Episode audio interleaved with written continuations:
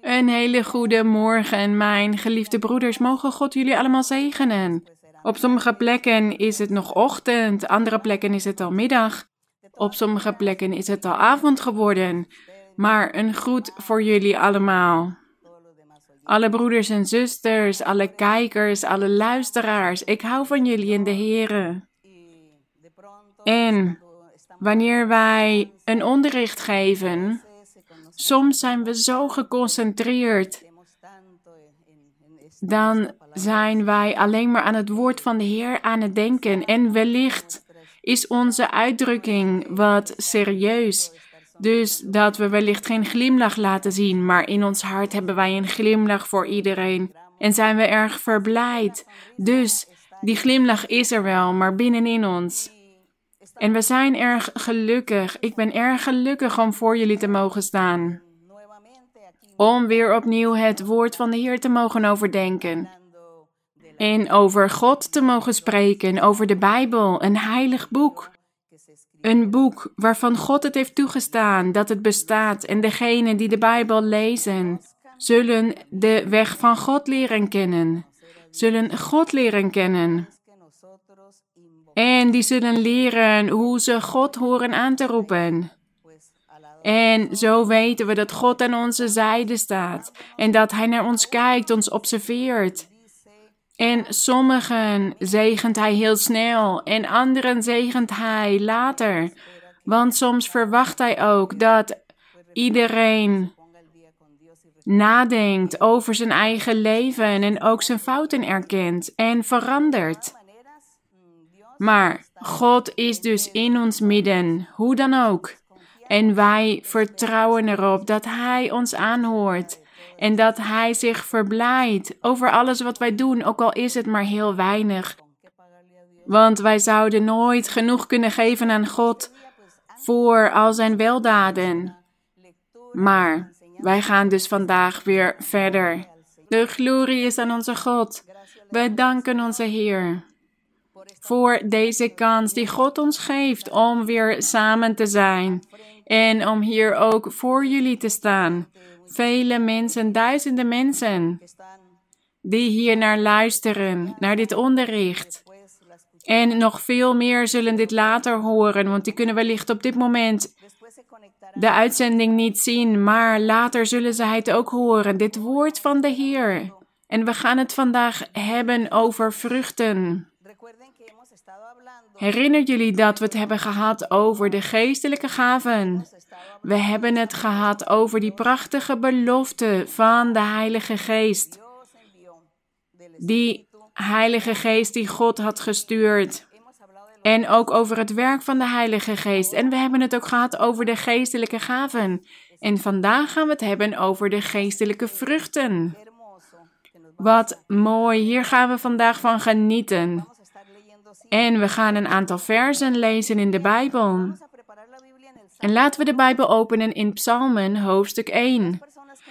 Degenen die geen Bijbel hebben. Wellicht is er iemand bij jullie die wel de Bijbel heeft. En lees alstublieft samen, zodat iedereen mee kan lezen. Psalm 1. We gaan lezen van vers 1 tot en met 3. Herinner jullie dat we het vandaag gaan hebben over de Heer Jezus Christus als de ware wijnstok. En wat is een wijnstok? Dat is een plant of een boom van druiven met druiven. Dat is die vrucht. Dat is die wijnstok. En de Heer Jezus Christus is die wijnstok. Hij is die boom. En het is een boom die veel vruchten geeft. Zoveel vrucht heeft hij gegeven. En zo wil de Heer ook dat wij dit doen, dat wij ook vrucht geven. En daar gaan we het vandaag over hebben. Over de Heer Jezus Christus als die ware wijnstok. En daarvan leren wij dus ook wat Hij van ons eist. Wat Hij van ons wil dat wij zijn of dat we doen. Vers 1, hoofdstuk 1. Welzalig de man die niet wandelt in de raad van de goddelozen die niet staat op de weg van de zondaars, die niet zit op de zetel van de spotters. Deze man Hier gaat het over onze Heer Jezus Christus. Maar de Heer Jezus Christus heeft ook onderwezen dat al zijn volgelingen hem moesten navolgen, dezelfde werken moesten doen als hij had gedaan en zelfs grotere werken zouden ze doen, zijn volgelingen. Dus dit vers, hoewel het gaat over de Heer Jezus Christus, die man die niet wandelt in de raad van de goddelozen, dit is ook voor zijn volgelingen. En elke volgeling van de Heer kan dit bereiken in zijn leven. Het niet wandelen in de raad van de goddelozen. Wanneer die goddelozen samenkomen om slechte plannen te maken. En hier staat ook die niet staat op de weg van de zondaars. Dat betekent dat die persoon niet meedoet aan de zonde en dit niet aanjuicht. En hier staat dat de Heer Jezus ook niet zat op de zetel van de spotters. En zo gebeurde dit in die tijd. Dat zij een listig plan bedachten, dat mensen samenkwamen om een complot te smeden of kwaad te beramen tegen iemand, een ontvoering bijvoorbeeld. En zo kwamen dus die spotters kwamen samen om een plan te smeden, om kwaad te doen. Maar hier staat dus dat die man niet zit op de zetel van de spotters. En daarom is die man welzalig. Welzalig is deze man. En dit was de Heer Jezus Christus. En hij wil ook dat zijn volgelingen ook dezelfde dingen doen. En als zijn volgelingen deze dingen doen, dan zullen zij ook welzalig zijn. En in vers 2 staat: dus in plaats van al dit kwaad te doen, doet deze persoon het volgende. Zijn vreugde vindt hij in de wet van de Heere en zijn wet dag en nacht overdenkt. Dit is wat die volmaakte man doet. Dus dit was de Heer Jezus Christus, maar zijn volgelingen horen dit ook te doen. Zijn woord dag en nacht te overdenken, zijn geboden, om ze te beoefenen, om ze na te leven op een constante manier. Vers 3. Wat zal die volmaakte man dan zijn, of zijn volgelingen? Hij zal zijn als een boom, geplant aan waterbeken, die zijn vrucht geeft op zijn tijd, waarvan het blad niet afvalt. Al wat hij doet zal goed gelukken, de glorie is aan onze God. Kijk wat hier staat dat deze volmaakte man als een boom zal zijn, geplant aan waterbeken. En omdat hij dus altijd water om zich heen heeft, zal zijn blad niet afvallen, niet droog worden. En hij zal ook vruchten geven op zijn tijd, goede vruchten. Deze boom geeft goede vruchten. En al wat hij doet zal goed gelukken. Dus deze man of vrouw die een oprecht leven leidt voor God, Net als onze Heer Jezus Christus dit heeft gedaan, alles zal goed gelukken in zijn leven. En zo zijn er soms mensen die zeggen: Ik zie u altijd gelukkig. U glimlacht altijd. U bent altijd zo vrolijk, zo optimistisch. Wat gebeurt er met u? Waarom bent u zo? Ik zie u nooit bezorgd. Ik zie u nooit verdrietig. Ik zie u nooit wanhopig. Ja, dan zullen we antwoorden: Ja, ik ga naar een kerk en ik lees de Bijbel. En in de kerk spreekt God tot mij. En omdat God tot mij spreekt, troost Hij mij. En daarom ben ik gelukkig, altijd gelukkig. Ik wacht op God en ik vertrouw op Hem. Dus Hij neemt al het verdriet en bezorgdheid en bitterheid uit mij weg. Daarom staat hier al wat Hij doet, zal goed gelukken. Want als wij de wil van God doen, dan geven wij die goede vruchten. En dan zal alles goed gelukken in ons leven. Dan zullen we voorspoed hebben en blijdschap en vreugde. Dan zullen we altijd werk hebben of inkomen. Dan zullen we altijd de open deuren vinden voor ons leven. Omdat die boom geplant staat aan waterbeken en goede vruchten geeft. Dat is die man of vrouw die de geboden van God in acht neemt. Dus we hebben het vandaag over de vruchten van de Heilige Geest. En laten we nu lezen in Jeremia hoofdstuk 17. We gaan naar het boek van de profeet Jeremia. Na de psalmen en na Jesaja vinden we Jeremia, hoofdstuk 17, vers 7 en 8. Hier staat. Jeremia 17. Hebben jullie het gevonden? Vers 7 en 8. Gezegend is de man. Als hier staat de man, dan gaat het over de man en de vrouw. Het gaat over de mens in het algemeen. Dus gezegend is de mens die op de Heere vertrouwt, op God. De Heere, dat betekent God. Wiens vertrouwen de Heere is. Dus hier staat gezegend is die man die op God vertrouwt.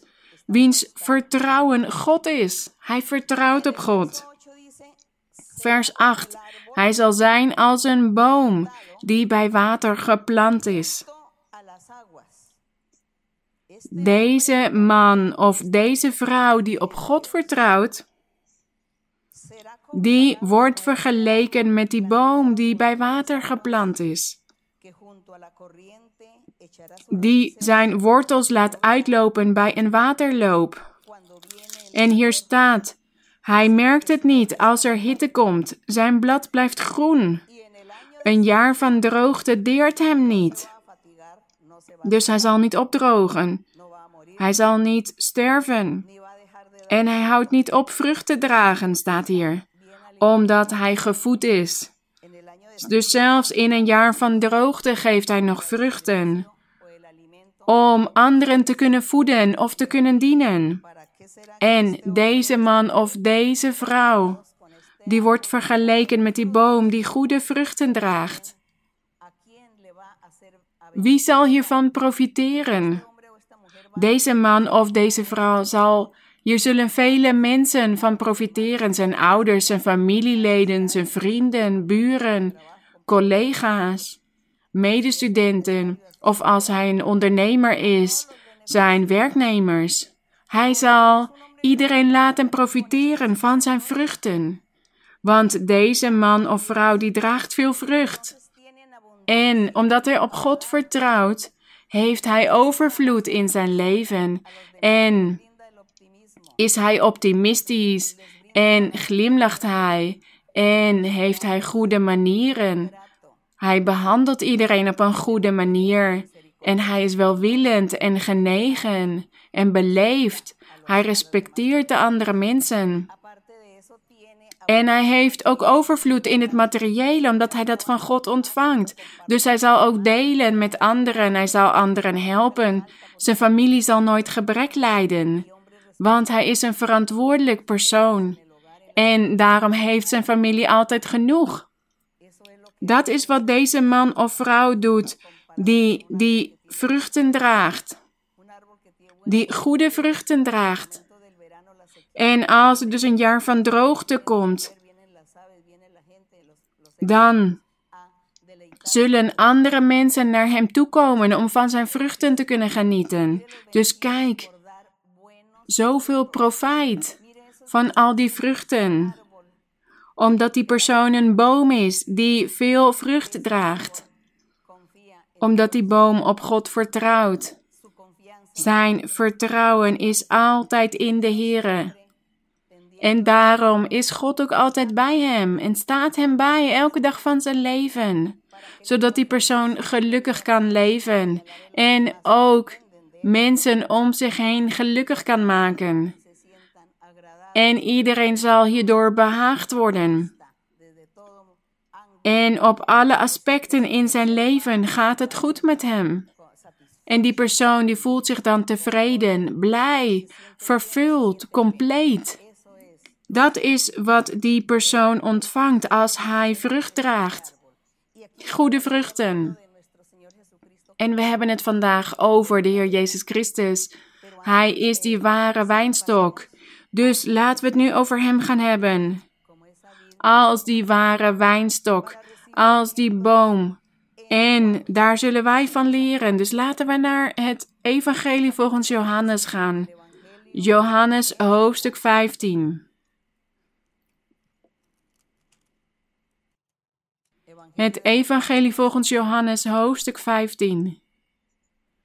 Hier gaan we lezen van vers 1 tot en met 16. En dit gaan we overdenken. Deze volmaakte man waar we net over hebben gelezen in Psalm 1:1. Hij was die eerste die vrucht heeft gedragen. Volmaakte vruchten, goede vruchten, gewenste vruchten. Om van te genieten, om velen te laten genieten. En dat voorbeeld, dat getuigenis van Hem, is voor ons. Vers 1.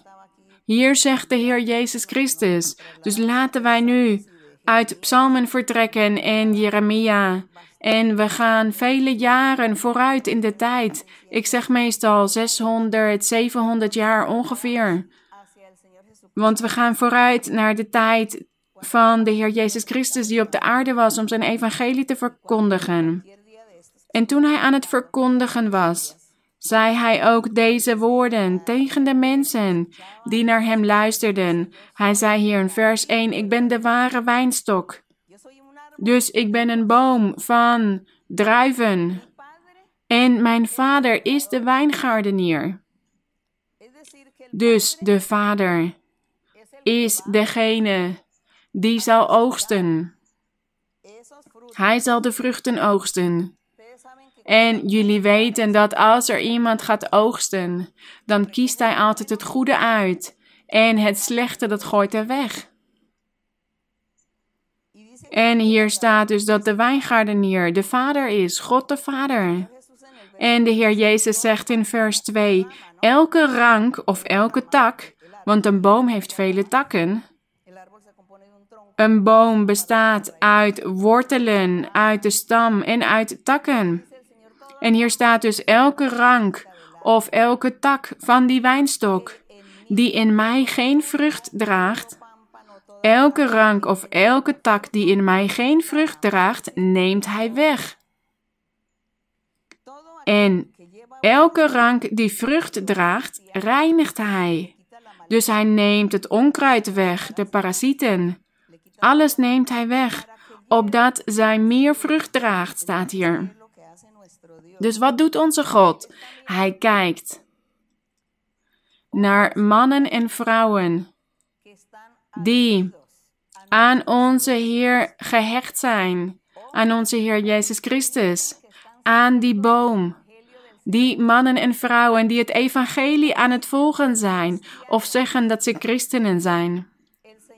De Heer Jezus Christus, omdat Hij een boom is, met takken of met ranken, degene die geen vrucht dragen, die zullen weggenomen worden door onze Vader, God.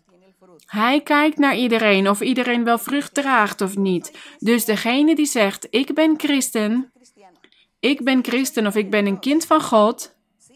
Ik ben een kind van God, maar ondertussen zijn er mensen die dronkaard zijn. Dus dat ze constant dronken zijn, of moorden, of stelen, of bedriegen, liegen. Maar ze zeggen wel: Ik ben een kind van God, ik ben christen, ik geloof in God. Dat zeggen ze. Maar hier staat dat onze Vader naar de vruchten kijkt. En de rank of de tak die geen vrucht draagt, die zal weggenomen worden. Wat gebeurt er als er een tak of een rank van de boom weggenomen wordt? Dan sterft hij. Dan droogt hij op. Maar we gaan het nu hebben over die ranken die wel vrucht dragen. Al die mannen en vrouwen die zeggen dat ze christenen zijn, kinderen van God, en dat ze de Bijbel kennen. God kijkt naar hen allemaal en kijkt naar de vruchten. Is die persoon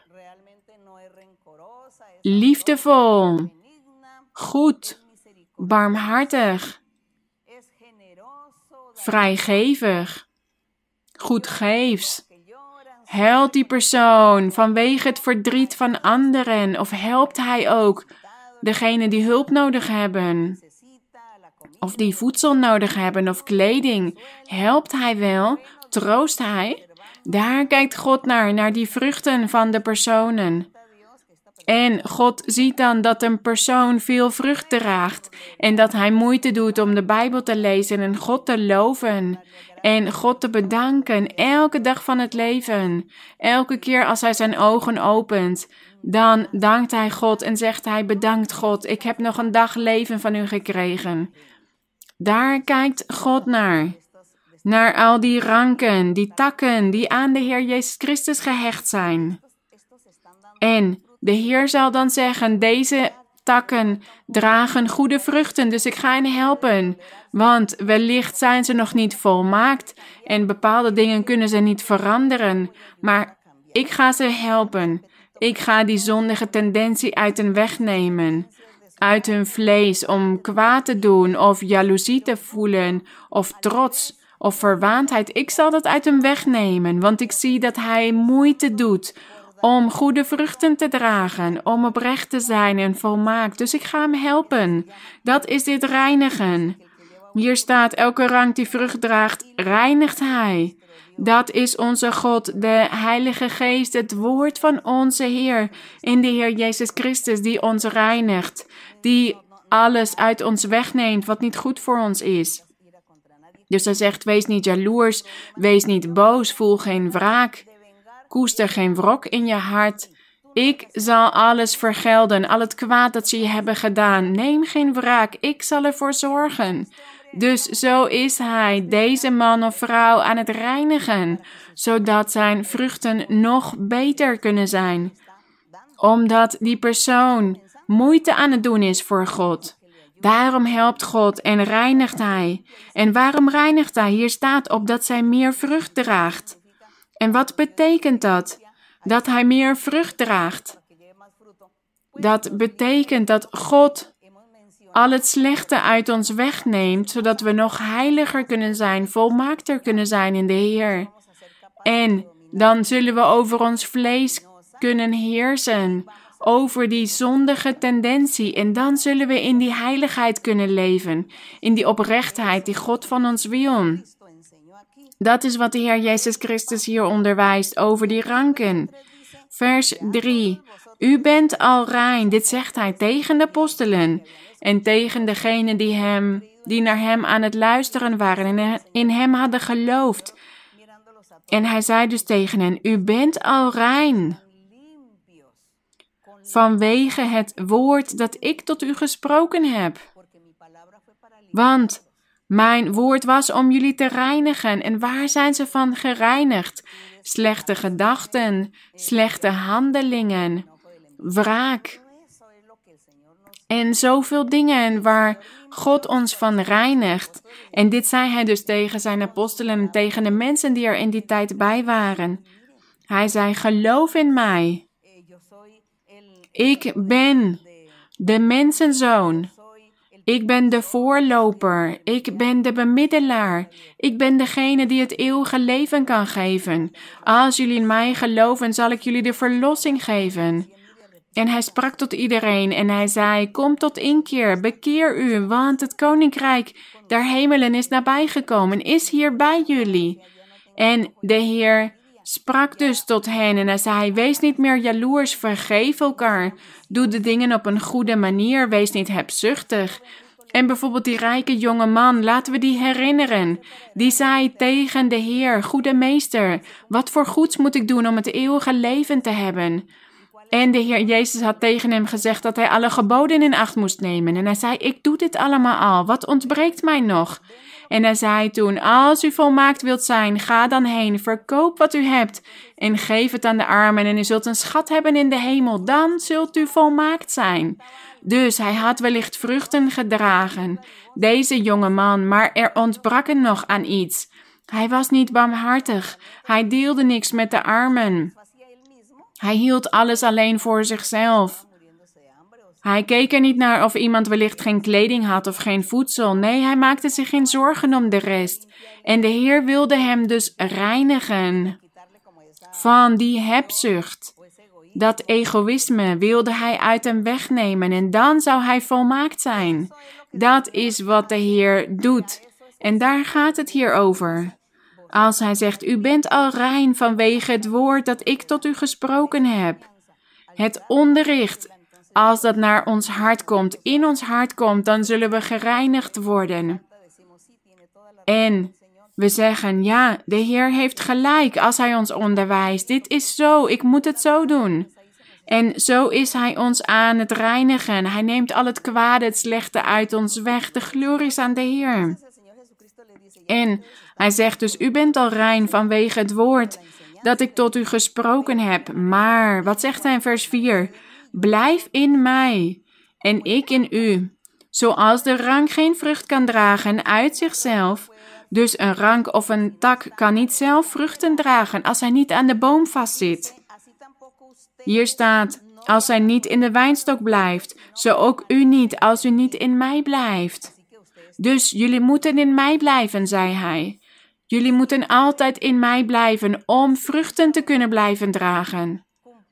Door, zijn, door de wil van God te doen, zijn geloofsleer in acht te nemen, wij als mensen, wij kunnen niet zeggen dat we christen zijn, maar dat we niet in de Bijbel geloven. Ik kan niet zeggen dat ik een dochter van God ben als ik niet naar de kerk ga om samen te komen. En als ik niet de Bijbel lees en de Heilige Geest in mij heb. Dan kan ik niet zeggen dat ik een dochter van God ben. Want dit kan ik niet alleen doen. Ik kan niet onafhankelijk zijn en zeggen: nee, ik hoef niet naar een kerk te gaan, ik hoef niet de Bijbel te lezen, ik blijf lekker thuis en ik ben hier zelf een christen en ik zoek zelf naar God in mijn huis en ik bid tot God hier thuis. Maar nee, zo is dit niet.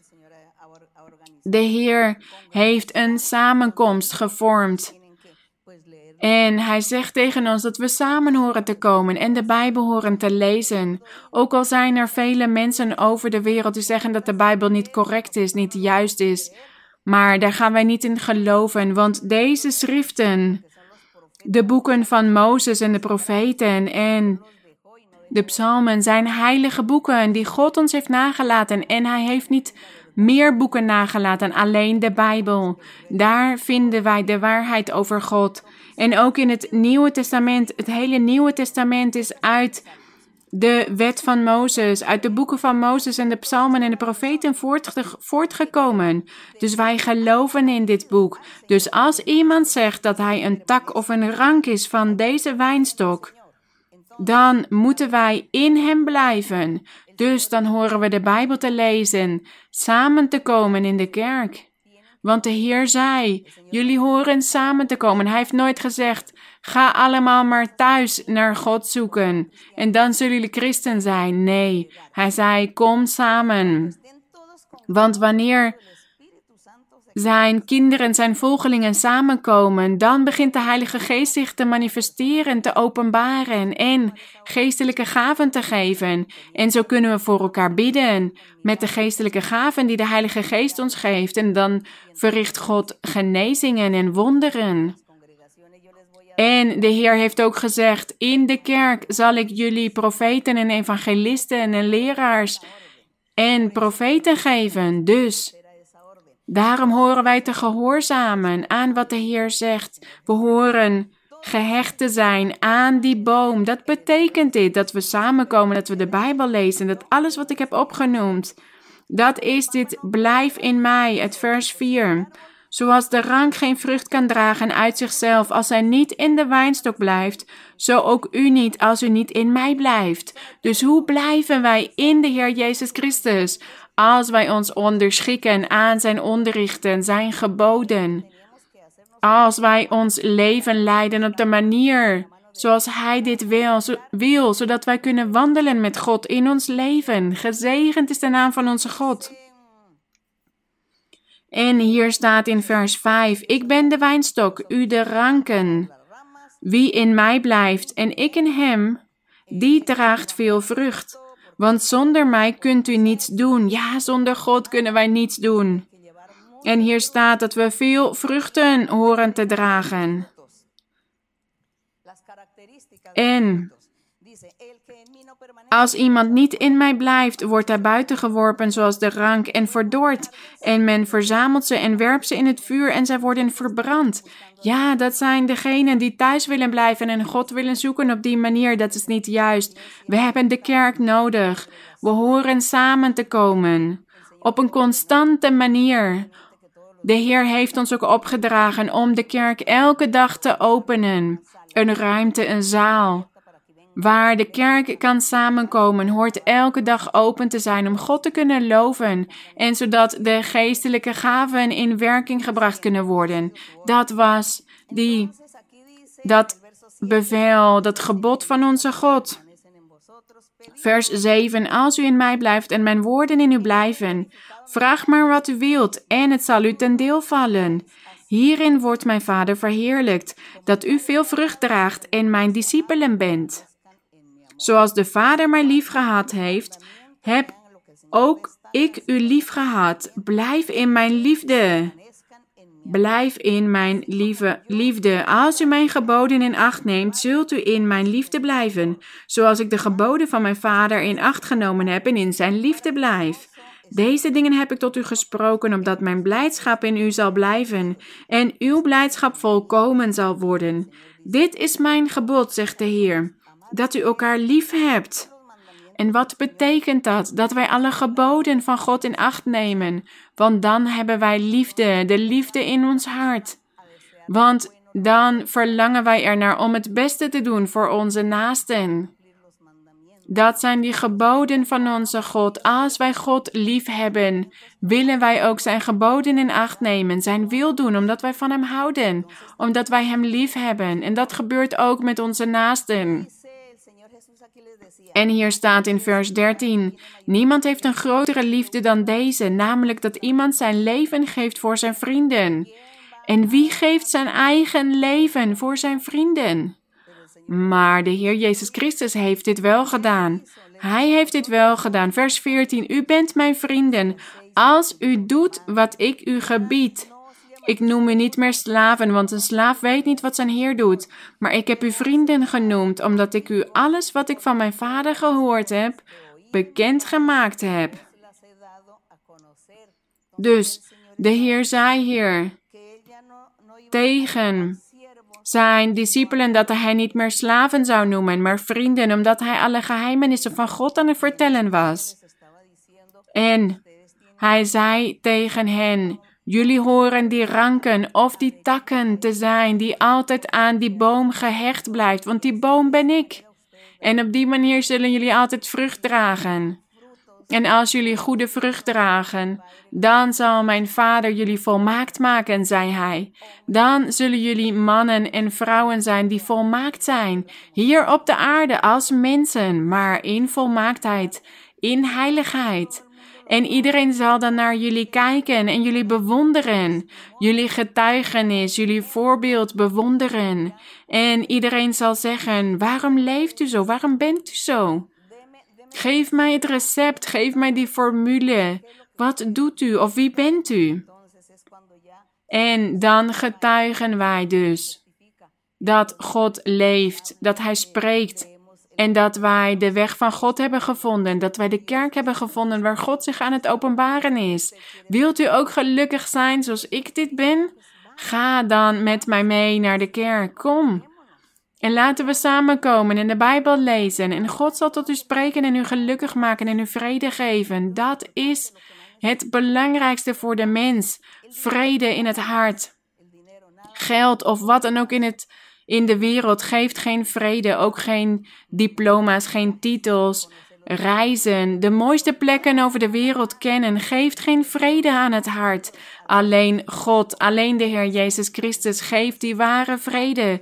Hij is de weg, de waarheid en het leven. Dankzij Hem kunnen wij het eeuwige leven binnengaan. Kunnen wij de weg naar de verlossing belopen. En als wij de boeken van de Bijbel lezen, de psalmen en de profeten, dan lezen we over al die profetieën die God heeft gegeven over de openbaring van de Heer Jezus Christus. als de Zoon van God, als de Koning, als de Verlosser, de Bemiddelaar, de Zaligmaker. En het gaat ook over de Heer Jezus Christus als de gever van de heilige gaven en degene die de trooster, de Heilige Geest naar de aarde heeft gestuurd, die constant bij ons is. Vers 16. Niet u hebt mij uitverkoren, maar ik heb u uitverkoren. En ik heb u ertoe bestemd dat u zou heen gaan en vrucht dragen, en dat uw vrucht zou blijven, opdat wat u ook maar van de Vader vraagt in mijn naam, hij u dat geeft. Hier staat wat u ook maar van de Vader vraagt. Maar we hebben het hier over een man of vrouw die vrucht draagt die gehecht is aan die boom, de Heer Jezus Christus, en goede vrucht draagt. Hier staat, wat u ook maar van de Vader vraagt, in mijn naam, dus in de naam van de Heer Jezus Christus, die zal alles ontvangen. Dus wij ontvangen alles van onze God, als wij weten hoe wij tot, Hem horen te bidden, in de naam van de Heer Jezus Christus. Maar als u tot God bidt in de naam van Sint Bartholomeus of Sint Timotheus of Sint Titus, dan zult u nooit wat ontvangen van God. Als u tot God gaat bidden in de naam van Sint Catharina, dan zult u ook nooit iets ontvangen van God. De duivel zal daar wel naar luisteren en zal zeggen: Kijk naar deze man of deze vrouw die bidt tot God in de naam van Sint Bartholomeus of Sint Catharina. Maar deze heiligen zijn al overleden en hun stof bestaat niet eens meer. Maar wat zegt de duivel dan? Ik ga het wonder verrichten, zodat zij blijven geloven in deze Sint Catharina of Sint Bartholomeus. Dus soms doet de duivel een wonder als dit gebeurt, zodat die persoon dan gaat zeggen: Ja, deze Sint Bartholomeus of Sint Catharina heeft een wonder verricht in mijn leven. Dat doet de duivel. Dat zijn de strikken van de duivel om mensen te vangen. Maar hier staat in mijn naam, in de naam van de Heer Jezus Christus. Hij is de enige weg. Wat u ook maar van de Vader vraagt. In mijn naam. Hij zal u dat geven. Hij zal dat geven. Wat wij aan de Vader vragen in de naam van de Heer Jezus Christus. Dus let goed op, er is geen heilige, geen man of vrouw of kind of oudere die ervoor kan zorgen dat God ons wat geeft. Als u iets wil van God, vraag het hem dan in de naam van de Heer Jezus Christus. Maar Vraag niks aan God in de naam van de Heer Jezus Christus terwijl u knielt voor een stuk hout of een schilderij of een afbeelding of een standbeeld. Nee, dan zal God u ook niks geven. Bid tot God in geest, want God is geest. De Heer Jezus Christus is geest. En in geest zal Hij u aanhoren en uw gebeden aanhoren. Ik ben wat van een onderwerp afgeweken, maar het is belangrijk om dit te verklaren, om dit duidelijk te maken. Want de Heer zei hier: Wat u ook maar van de Vader vraagt in mijn naam, Hij zal u dat geven. Dus vergeet het niet. Wilt u iets ontvangen van God? Ik heb het nu tegen de mensen die de kerk nog niet kennen, deze geloofsleer nog niet kennen, wilt u gelukkig zijn in uw leven? Wilt u dat God u bevrijdt van zoveel problemen en moeilijkheden en ziekten? Bid tot God in geest. Doe gewoon uw ogen dicht. Maar ga nergens voor zitten, een afbeelding of iets fysieks. Nee, ga gewoon knielen als u dat kan. Het zou mooi zijn om te knielen voor onze Heer. Doe uw ogen dicht en spreek tot God.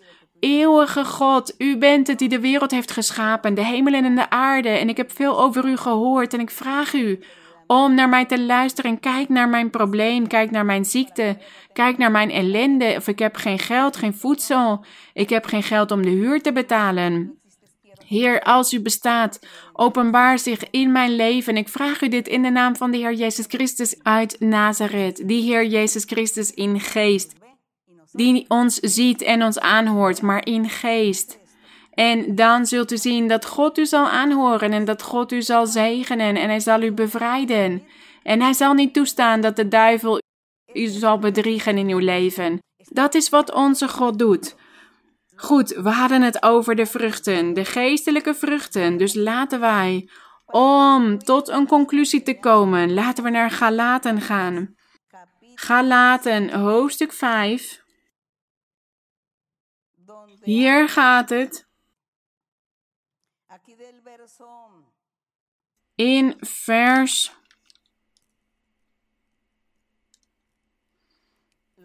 vers 22 en 23.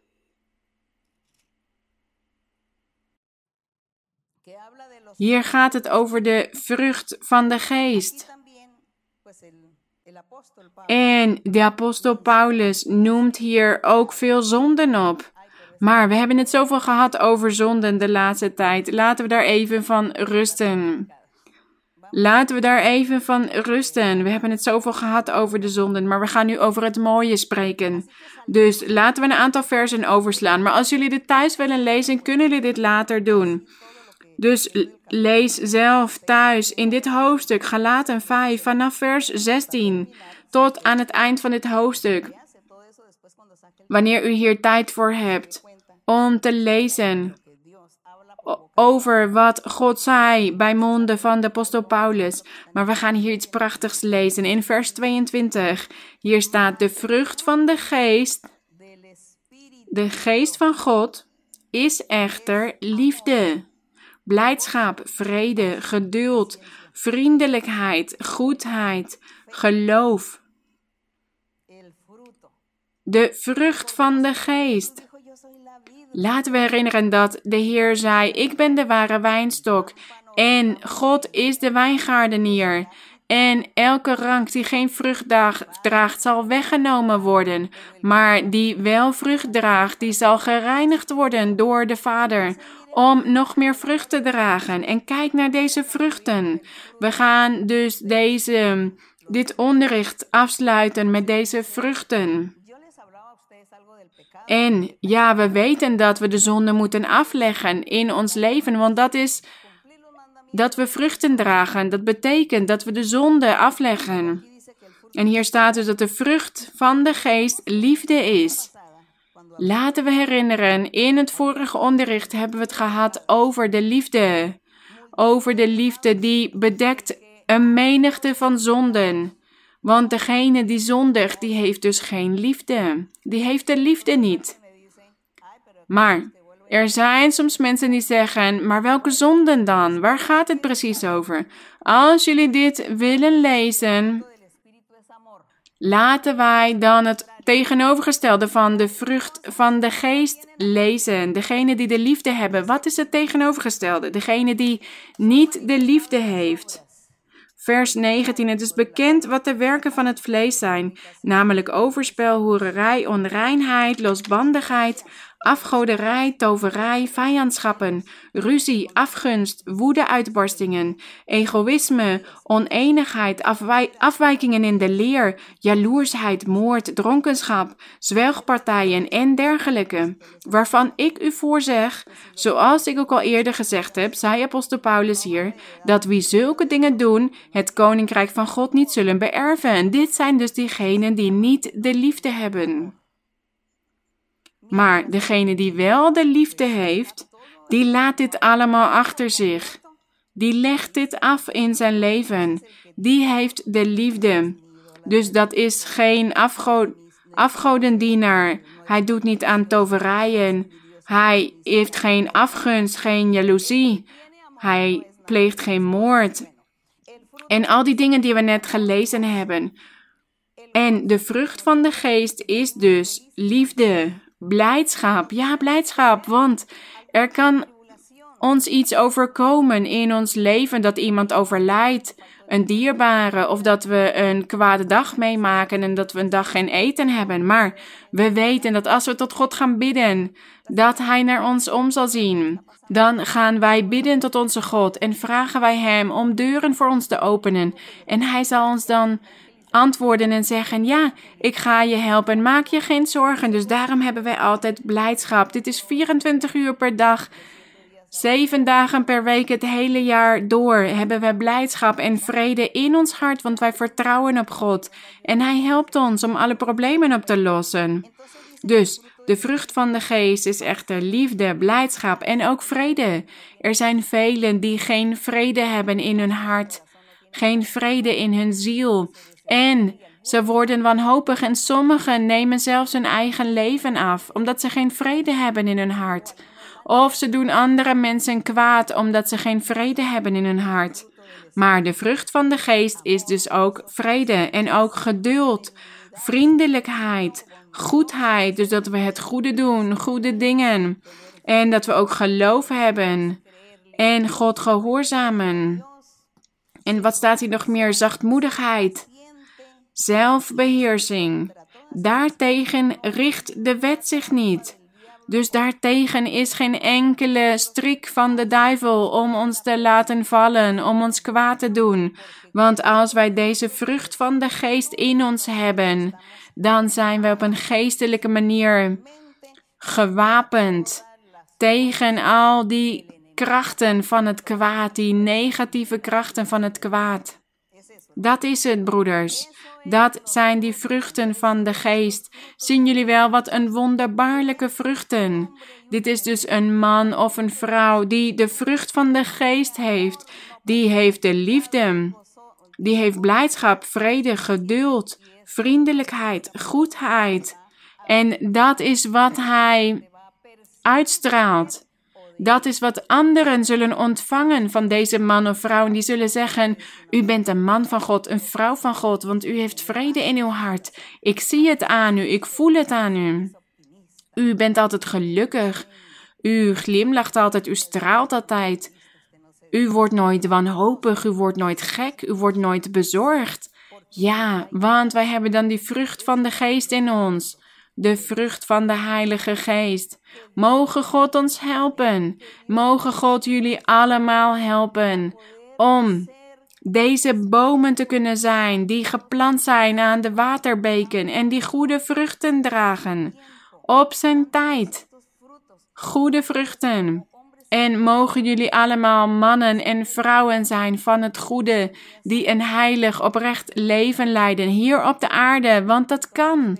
En we kunnen ook genieten van de wereld, van alles op de aarde. Maar we zullen dit op een andere manier doen. We zullen alles op een andere manier zien, uit, vanuit een ander oogpunt. Want we zullen genieten van alles op de aarde, maar op een andere manier, want we hebben dan God in ons hart. Dus wij zullen nog meer genieten van alles wat op de aarde bestaat. Alles wat maar binnen ons bereik ligt, omdat we God hebben in ons leven. Want er zijn mensen die zeggen: Oh nee, de Bijbel lezen en naar een kerk gaan. Dat is, dan moeten we opgesloten zijn thuis en dan kunnen we niks meemaken op de aarde. Nee, juist het tegenovergestelde.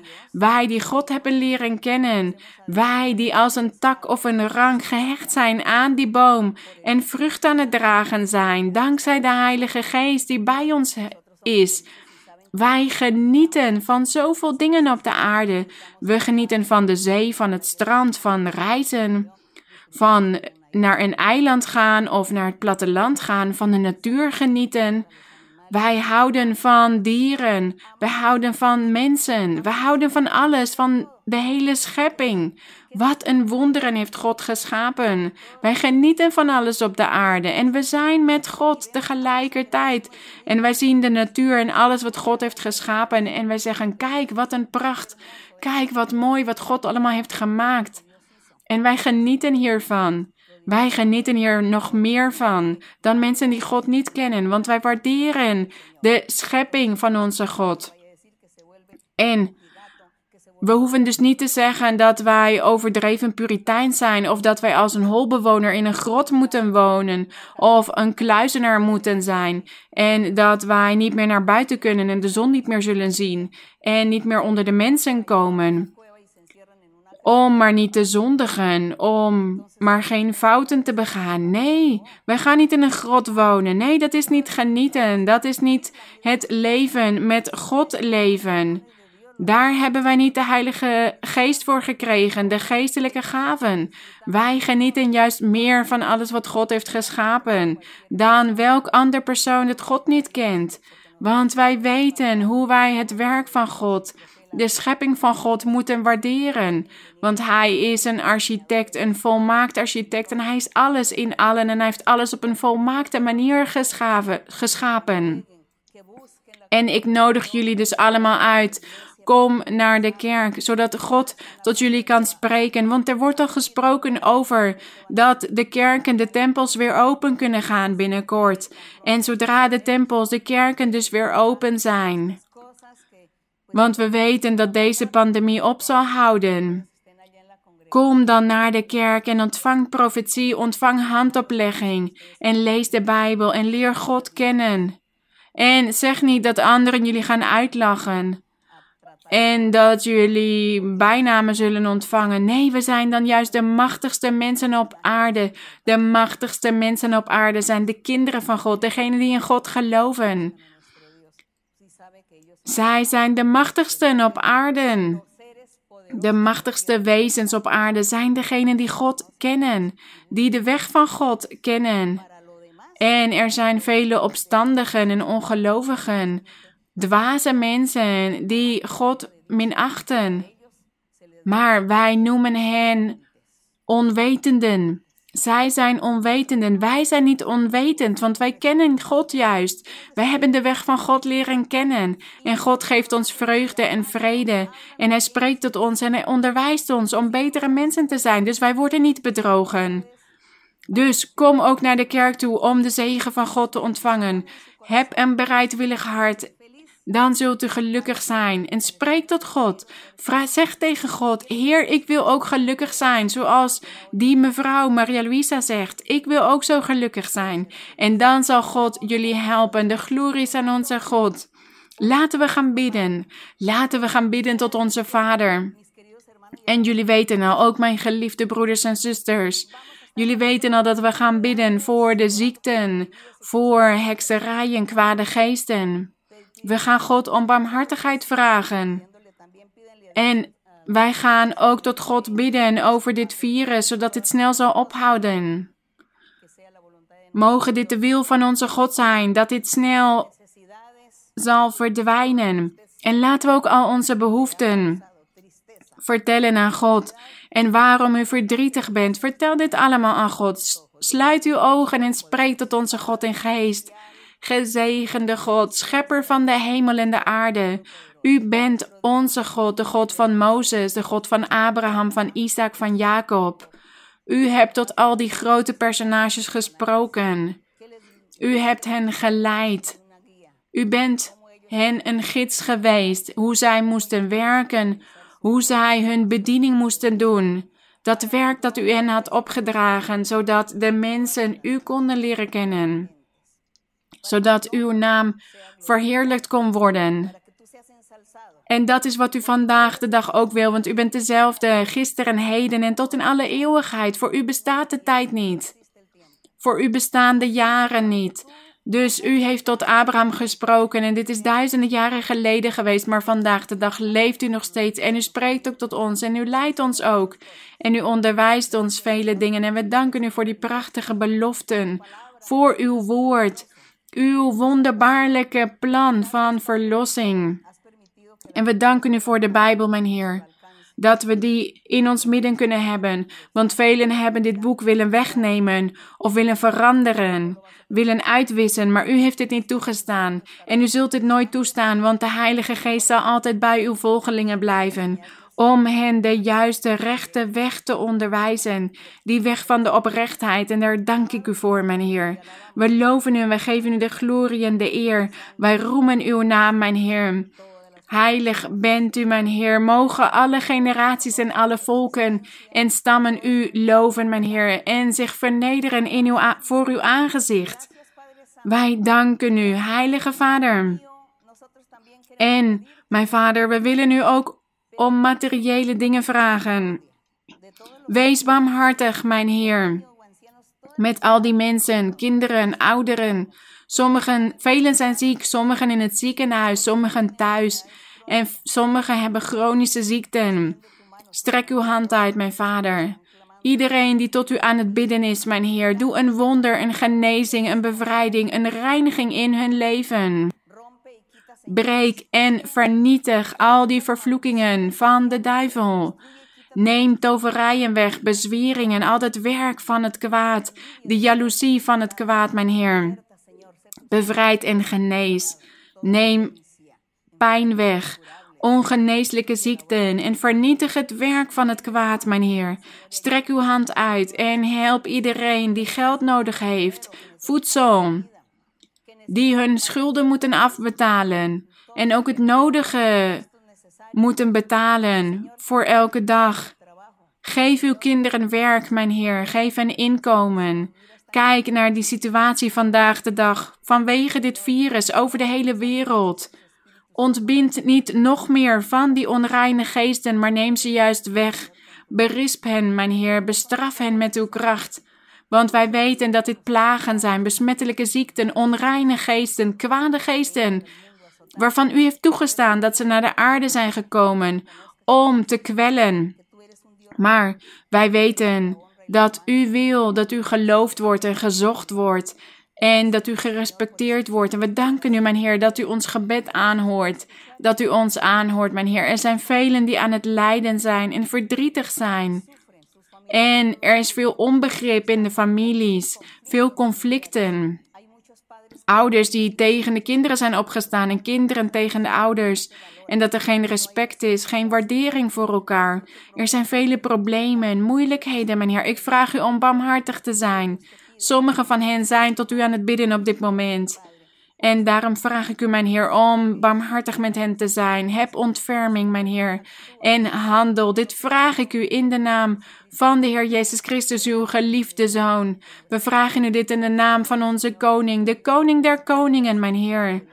We danken u, mijn Vader, de lofuiting en de eer zijn aan u. Gezegend bent u, mijn Heer, de Almachtige.